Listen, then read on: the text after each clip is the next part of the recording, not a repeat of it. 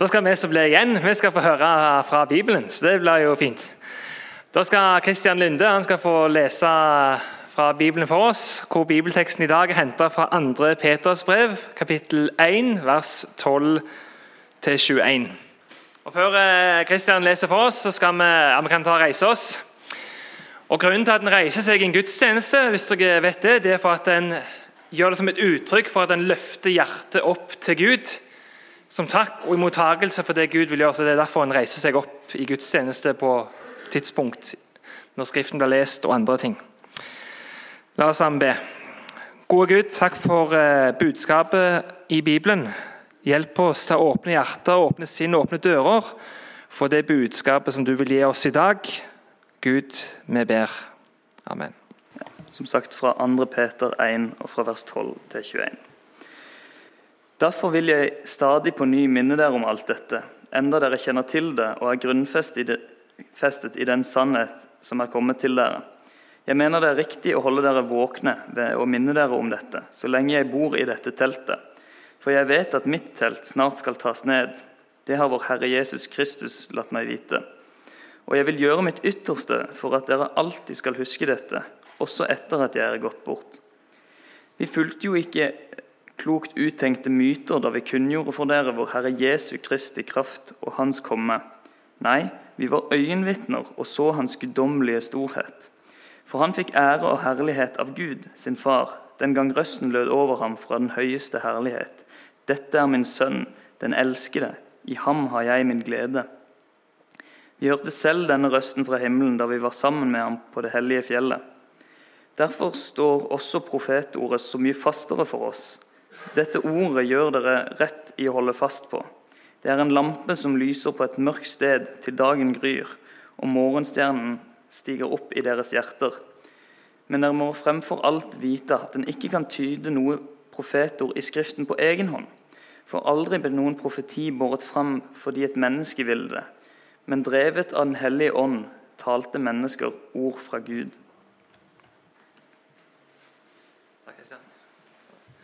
Vi kan bli stående og så kan vi si trosbekjennelsen, som eh, vi bruker nå, er den Nikenum i forbindelse med taleserien om hva er det som er grunnlaget for vår kristne tro, som et svar på ordet som ble lest fra Bibelen. Vi tror på en Gud, den allmektige Fader, som har skapt himmel og jord, alt synlig og usynlig.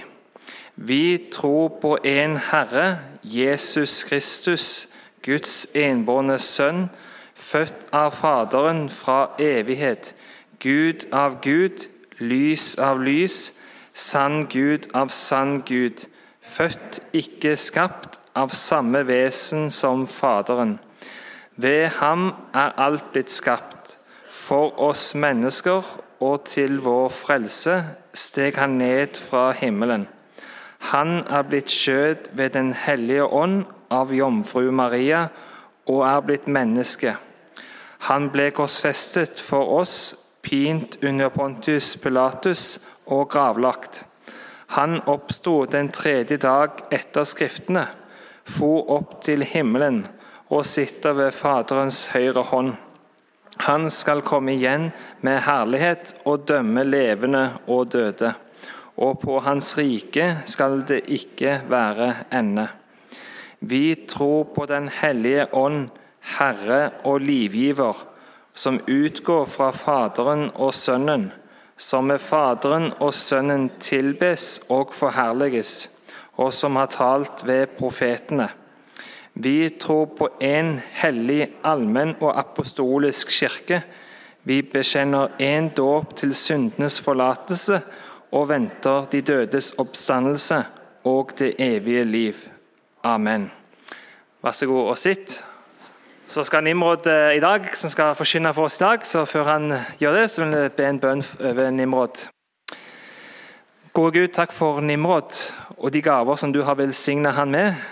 Vi ber deg om at du nå lar han få kjenne at du er med han med Den hellige ånd, og la han få forkynne at det budskapet som du ønsker å dele med oss i dag gjennom Nimrod. Amen.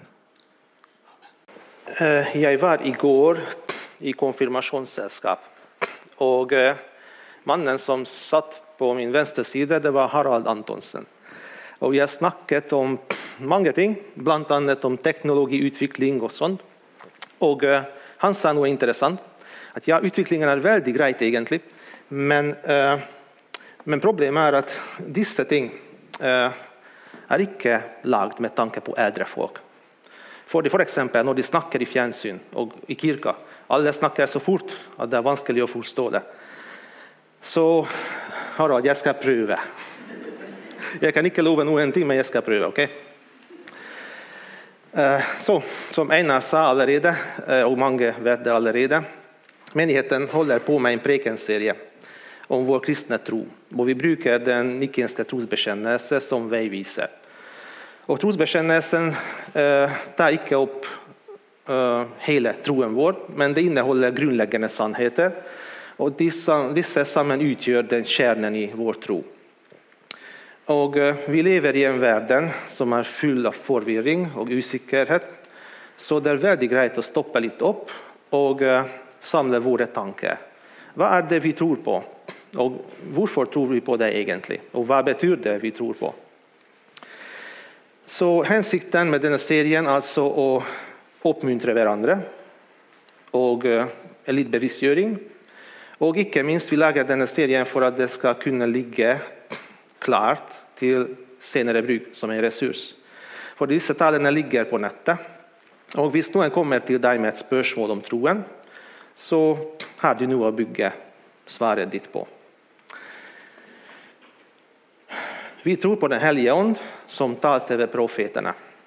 Det sa vi nettopp i trosbekännelsen. Och detta är något som är enormt viktigt.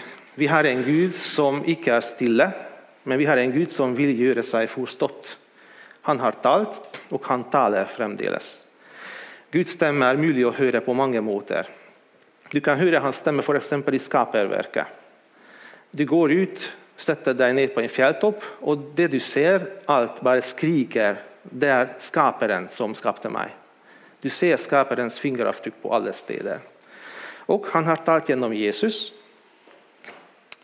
Han berör samvittigheten vår, han kan sända en dröm, han kan sända ett budskap genom andra kristna. Så Gud är väldigt kreativ. Och icke minst, vi tror att Gud talar genom Bibeln. Och det är temat jag har för idag. Vi tror att Gud talar genom Bibeln. Och denna överbevisningen är inte något utdaterat. Av och till det syns det utdaterat när du hör på många meningar. Men nej, det är lika levande idag än för 2000 år sedan. Låt mig citera från en metodistbror, en norsk metodist. Han heter Tore Meistad.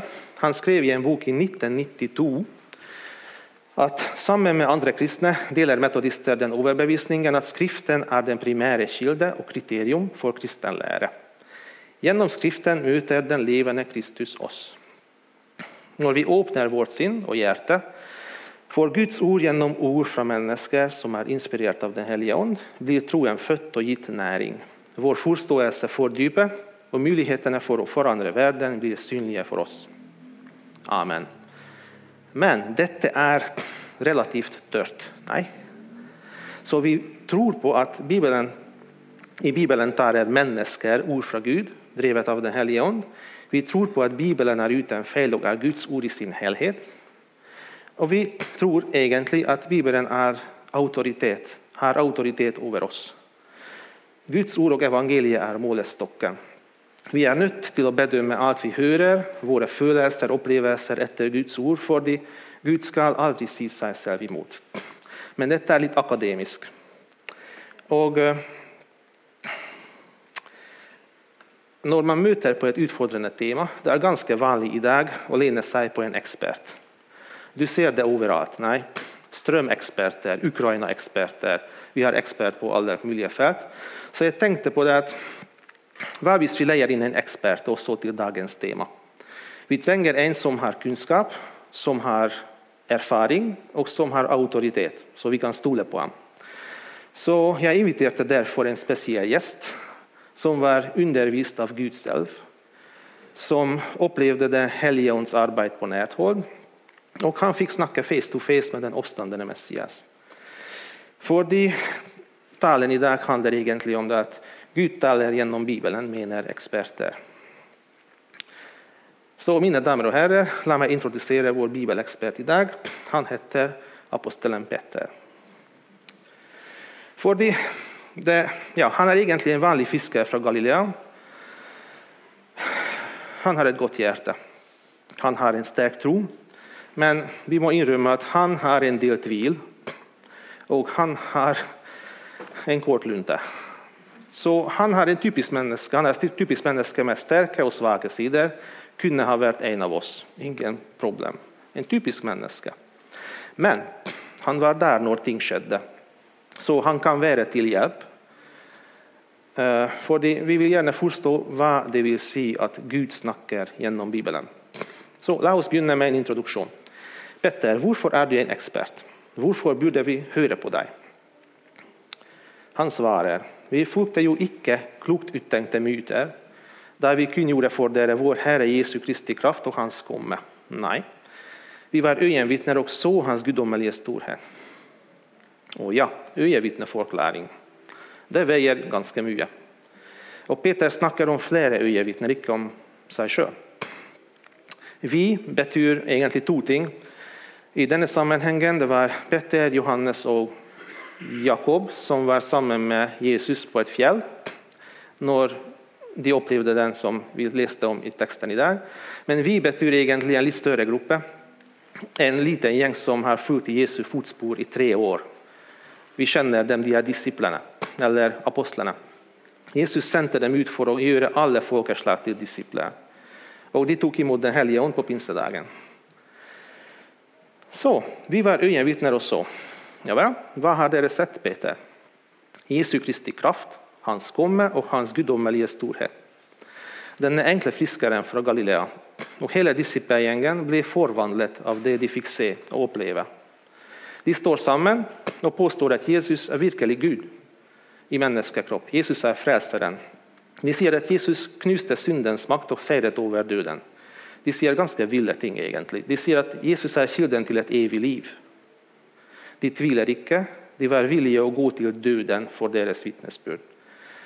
Och de vittnar också om en annan ting, om något som är lätt att överse, men selv om det är lika viktigt. Han säger här, därför står också profetordet så mycket fastare för oss. Ja väl, Peter, men vad slags profetord snackar du om? Man hör av och till från folk utanför kyrkan att eh, de första kristna hade ju icke någon bibel. De hade bara myter och äventyr att bygga på.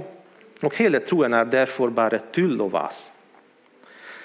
Så om någon kommer med detta till dig nästa gång, bara smil och icke stress, för det stämmer icke. De första kristna har nämligen haft en bibel helt från begynnelsen av. De hade det gamla testamentet.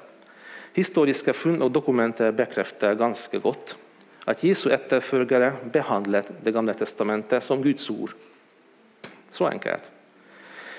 Vi läser många steder i evangelierna om att Jesus undervisade disciplinerna utifrån skriften.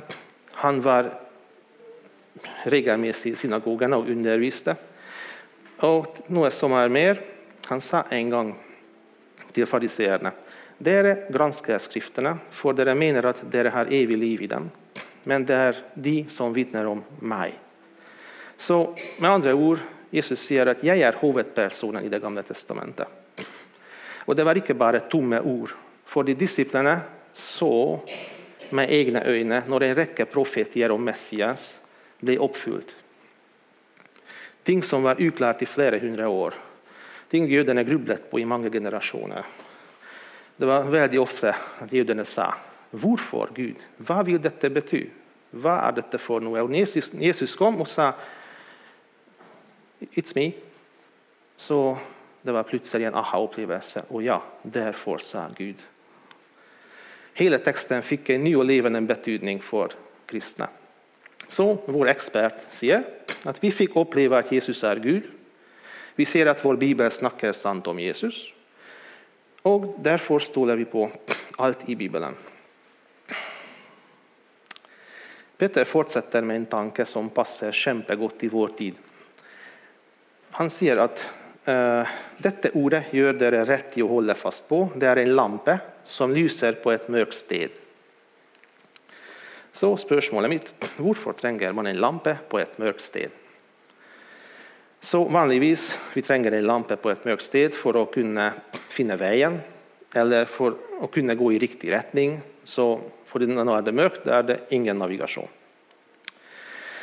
Så tenk f.eks. på et fyrtårn. Livet ligner ofte på den mørke nattesjøen. Vi vet av og til ikke i det hele tatt hvor vi er, hvilken vei skal vi gå. Dette er så mørkt og så farlig at det er skremmende. Og alle trenger et fyrtårn, en lampe og en direksjon. Noe som viser oss retningen, som sier til oss hvor er venstre og høyre, opp og ned, hva er rett og galt. Og eh, I dagens samfunn det er mange som hevder at 'jeg klarer det selv', 'tusen takk, jeg trenger ikke noe lampe', 'jeg følger mitt eget hjerte'. Kult. Det er helt fint. Da fortalte du nettopp at du har en lampe, og det er her. Så enkelt. Og eh, det er mange av oss som utan att veta det, följer reglerna och förväntningarna som samfundet pressar på oss. Det är kjipt att sticka ut. Det är så obehagligt så alla vill passa in. Många är totalt avhängiga för exempel av andras meningar, på sociala medier. Den nyaste bilden som jag lagde ut på Instagram, får jag nog hjärter och delning. Visst, det sker inte, så vad tänker de andra om mig? Hva burde jeg gjøre annerledes? Jeg får ikke sove. Dette er så stor stress. Det er helt vanlig i dag, og ironisk nok, det er det som vi kaller for frihet. Med dette vil jeg si at ingen av oss kan hevde at vi er absolutt fri. At vi ikke følger etter noe. Din og min selvstendighet i en viss grad det er bare illusjon. Du vet det, og jeg vet det, alle vet det. Og hvis det er uunngåelig å følge etter noe, det er litt viktig at vi finner et fyrtårn som vi kan stole på. Men hva er verdig etterfølelsen? Så hva kan jeg følge etter? Kulturen? Flokkens vilje? Ja, en influenser på skjermen eller mine egne emosjoner. De forandrer seg fra time til time, så jeg kan ikke anbefale å følge mine emosjoner. i hvert fall. Hva kan jeg bruke som en lampe på et mørkt sted? Eksperten takker for spørsmålet, og han tilbyr oss Guds ord. Dette ordet gjør dere rett i å holde fast på, sier han. Fordi Jesus er Gud, Gud er god, og jeg holder derfor fast på hans ord. Og Petter hadde en god grunn til å tro at Det gamle testamentet er Guds perfekte ord. Han lærte det nemlig fra Jesus. Har du noen gang tenkt på det? Dette er egentlig ganske lett å innse, ikke noe rakettforskning. Sett deg ned en gang, les gjennom hele Matteusevangeliet, og følg med på hva som skjer. Det som kommer til å skje, at uh, eh, du ser at Jesus siterte fra Gamle testamentet hele veien. Det står skrevet. Det står skrevet. Det står skrevet. Hele tiden. Han svarte til Satan i ørkenen med Guds ord. Det står skrevet. Han har älskat Guds ord. Han pustade in och ut hela livet. Han levde ett liv med Guds ord som målestock. Tror du att jag överdriver? Helt okej, bara läs och du får se. Jag ger dig ett exempel i full fart. Det är ganska heavy. Jesus svarar på ett spörsmål i Matteus 19, eh, ett spörsmål om äktenskap och skilsmisse. och Han säger något sånt som har dere ikke lest at skaperen fra begynnelsen av skapte dem som mann og kvinne, og sa derfor skal mannen forlate far og mor og holde fast ved sin kvinne, og de to skal være en kropp. Jesus siterer 1. Mosebok 2, 24. Skaperen sa sånn og sånn. Men det som er interessant, hvis du blar opp i 1. Mosebok og leser det som står der i teksten, det er ikke Gud som sa det. Det var Moses som sa det. Det var Författaren som skriver en förklaring. Så det är ganska hårt. För hvis Jesus säger att Skaparen sa, därför ska mannen förlåta far och mor. Det betyder att Jesus påstår att allt som står där är från Gud. Så Jesus hade inte så stor tro på Bibeln, hans sina ord för exempel står med rött tryck och resten är bara svart skrift och det kommer bara från människor. Så jag ser inte att du må hiva dina bibler hvis det är sånn. Det är inte dagens budskap, nej. Men eh, ikke la oss forføre av detta. Så hela grejen är från Gud. icke bara det som står där med rött och resten är bara Paulus eller något sånt. Hela grejen kommer från Gud. När det gäller det nya testamentet, det är skrivet av folk som vandret sammen med Jesus, som sagt. Och de var i direkt kontakt med honom. Eller om de inte var øyenvitner, de intervjuet øyenvitner och lagde en kronik till senare bruk. Och dessa böckerna i Nya testamentet fick väldigt tydligt en hög status i kyrkan. Det heliga ånd sörjde för att de var samlat och det stod ganska tydligt, ganska klart att det är några med dessa böcker som skiljer sig ut från de andra. Det helige ånd har gjort en god jobb som redaktör. Så Bibeln är ord från Gud. Experternas expert Jesus Kristus sa det.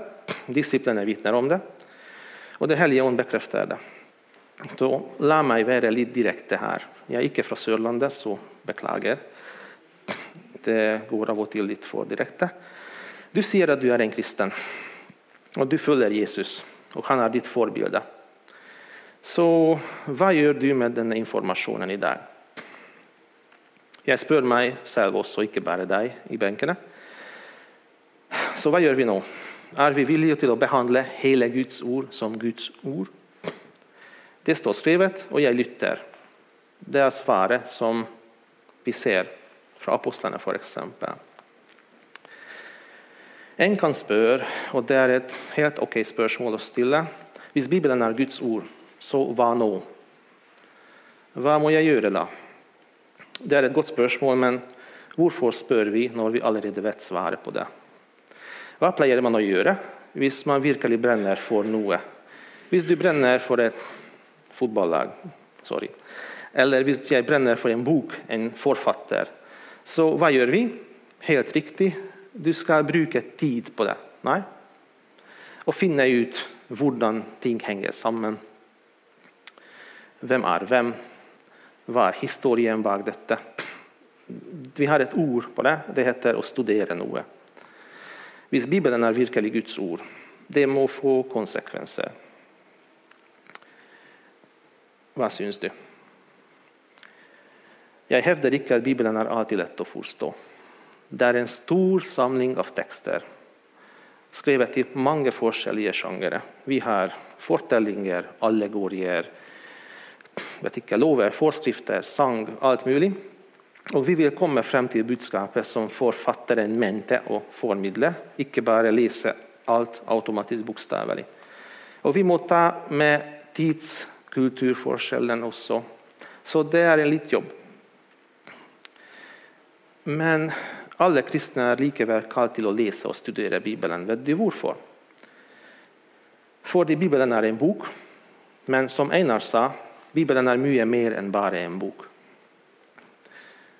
Bibeln är ett redskap i Guds hand för att snacka till ditt liv. Guds ord är levande. Dere må framför allt veta att en icke kan tyda några profetord i skriften på egen hand. För aldrig blev någon profet i båret fram, fordi att människor ville det, men drevet av den helige ond talte människor ord Gud. Så för det första. Peter säger att det som står skrivet, det är skrivet för att den helige ond vill ha det på lappen. Men något som är mer. När vi närmar oss Bibeln med ett öppet och ydmykt hjärta, det samma ond talar till oss idag, här. Och icke bara till vårt intellekt, men också till vilja och emotioner. Det är ikke möjligt att förklara vad som kan ske. Du må få oppleve det selv. Ögonblicket når texten du läser plötsligt hoppar ut. Oj, seriöst? Og når det bare strålar upp som en stjärna. Och du upplever att Gud snakker med meg. Dette kan ikke beskrives. De første metodistene ble kalt bibelmøll fordi de brukte mye tid på å lese i Bibelen og hadde Bibelen som utgangspunkt for alt de gjorde. Bibelmøll. Og de var så metodiske i dette at de ble senere kalt metodister.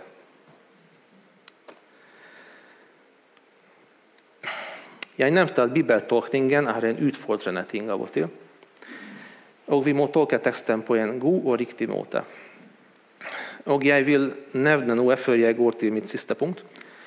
Jeg vil nevne noe som, eh, som skjer ofte, også i mitt liv. Vi bruker ordet bokstavelig bibeltolkning i en litt annen sammenheng også. Fordi det skjer at budskapet står klart. Jeg vet hva Gud vil si til meg men jeg liker det ikke. Jeg vet ikke om dere har opplevd det noen ganger at det kan ikke stemme. Og når Guds ord taler klart inn i vår situasjon vi ønsker av og til at dette er feil. Jeg ønsker det desperat. Spörsmål om bokstavelig tolkning dukker opp av og til når Bibelen kolliderer med mitt hjertets ønsker. Vil Gud virkelig vil Gud virkelig at jeg ikke skal stjele? Vil Gud virkelig at jeg ikke, jeg ikke skal være utro? Vil Gud virkelig at jeg skal vente med sex til ekteskapet? Sa han virkelig sånne ting? En feilfri bibel er det siste ting vi vil ha. Hvis du bare snakker til deg sjøl og ser i speilet, av og til det er sant. Vi vil ikke Bibelen å være feilfri. Fordi vi er syndere. Og vi har noe i livet som liker det ikke. Vi har noe som er viktigere enn Gud. Det er ikke mulig at Bibelen har rett, fordi den krever at jeg gir opp dette. Høres det kjent ut? Vi vil seile mot et annet fyrtårn, og vi vil at Guds ord skal bøye seg til vår vilje. Det samme kan skje når Bibelen viser en retning til en hel menighet, når samfunnet går i en annen retning. Der kommer opp spørsmål om Sa Gud det? Ok, så Vi kommer till den sista punkten i mina notater. Eh, vi har snackat om disciplinerna och hur de har vittnat om Guds ord. Vi hörde vår expert Petter när han sammanlignat Skriften med en lampa. Vi vet lite om Jesus och hur han behandlade Guds ord. Och vi ser att Den helige Ande belyser Guds ord när vi läser det i dag. Jeg vil avslutte med en ganske praktisk ting som kommer fra mitt eget liv. Hvorfor er det så vanskelig å underordne oss Guds ord? Vi er jo kristne, mer eller mindre. Så hvorfor er det så fryktelig vanskelig av og til? Det syns av og til at Bibelen ikke gjør noe annet, bare stiller høye krav. Og Gud syns å være fjern og ikke så veldig nådig i det hele tatt. Og Forventningene som vi leser om, det knuser oss. Det fins ikke et eneste menneske som klarer dette. Jeg har ikke sett et menneske som klarte dette. Det er et håpløst oppdrag. Så jeg vil gjerne gi ordet tilbake til eksperten. Petter sier vi fulgte jo ikke klokt uttenkte myter da vi kunngjorde for dere vår Herre Jesu Kristi kraft og Hans komme. Nej, vi var ögonvittnen och såg Hans gudomliga storhet. Ok, men Peter, du sa det allerede. Du fick uppleva Jesu kraft. Du såg Hans gudomliga storhet. Väldigt fint, gott för dig, Men var med oss i 2022? Vi har en bok, eller? Jag fann ett bild, jag hörde en tale, och eh, jag fann ett bild som jag tror beskriver detta väldigt, väldigt gott. Vet du vad de gamla som gått föran oss, plejde att bruka när de vill försegla ett brev? De brukade vox, stearinljus eller ett eller annat varmekilde. och de brukade ett stämpel. De lagde ett segel. Och vet du vad kommer till att ske hvis jeg tar voksen og prøver å presse på det när voxen är kallt. Så man får kanske ett svagt bild. Det sker, på overflaten. Och om jag pressar mer, så voksstykket går i bitar. Vågstycket må värmas upp och smältas för att kunna laga ett seil. Därför tränger man stearinljus för exempel. Och eh, stempelet är Guds ord, som vill bringa förändring. Den vill bringa förändring i mitt liv, i ditt liv. Men våra hjärtan är harda og vi avviser det. Vi er uenige i mange ting. Guds ord sier om oss, om verden, om Guds vilje. Vi er så harde, og vi vet det bedre. Jeg snakker om meg sjøl, først og fremst. Og når det er sånn, Guds ord etterlater i beste fall et svakt bilde på overflaten, men det er ingen dybde i den. Det er ingen kraft i den. Det er bare et svakt bilde. Eller hvis jeg presser mer, Guds ord kan knysa mig, för de förväntningarna är helt extrema och jag kan inte tillfredsställa dem utifrån egen kraft. Hvis man är en kristen bara på överflaten, utan att bli född på ny, upplevs Guds ord som nådelös, tungt och obehagligt. Det skapar bara motstånd. Man börjar att protestera och senare går man kanske väck från hela troen. Jag gider inte mer. Men det hellige ånd han er stearinlyset i dette bildet. Når man hører evangeliet om korset Det hellige ånd begynner å varme opp hjertet. Og Det kalde hjertet blir varmere og varmere når du hører de gode nyhetene. At Gud var villig til å dø på korset for å redde meg, deg, fra fortapelsen. Jeg var dømt til døden, men han betalte prisen og kjøpte meg fri. Da kommer en varme som smelter voksen. Og vi er nå i stand til å kunne ta imot evangeliet, eh, Guds ord, stempelet. Vi tar imot Guds ord, og da begynner Gud å jobbe i meg, jobbe i deg. Evangeliet kommer først. Forandringen kommer etterpå. Hver religion gir oss en regelbok og kommer med en rekke krav. Les det, gjør det, spis det, icke spis det, icke se på det. Gå dit. Krav, krav och krav. Om du är flink nog, så Gud ska kanske kontakta dig etter. Men du må uppföra dig gott. Men det är inte så i kristendomen. Inte så med Jesus. Han är den översta makten i universet. Och för du och jag har gjort någonting i det hela, tatt, han kom ned till jorden och underordnat sig först sina mänskliga föräldrar underordnat sig Bibelens auktoritet, levde ett perfekt liv. Så det var ett människa på jorden som klarade detta, Det var han. Och till slut slutt sig faderns auktoritet. Hur ska du vad sa han? Far, om du vill, så ta detta bägare från mig, men la icke min vilja ske, men din. Så lydigheten kostade ham livet. Han blev knust för våra synder. På denna måten köpte han oss fri. Det är han som vill att vi underordnar oss Guds ord. Vi kan stole på en som har gått till döden för oss. Vi kan stole på att han vill vår bästa. Ingen älskar dig mer än Jesus. Så här är lyset och varmen som kan smälta ett hjärta när vi får se Hans gudomliga storhet. Med denna varmen i hjärtat blir kristenlivet levande. Så jag är säker på det att ni av de som sitter her, visste dette helt fra begynnelsen av. Så hvorfor snakker jeg likevel om disse gamle, enkle tingene? Jeg gir ordet tilbake til eksperten en, gang, en siste gang. Derfor vil jeg stadig på ny minne dere om alt dette, enda dere kjenner til det og er grunnfestet i den sannhet som er kommet til dere.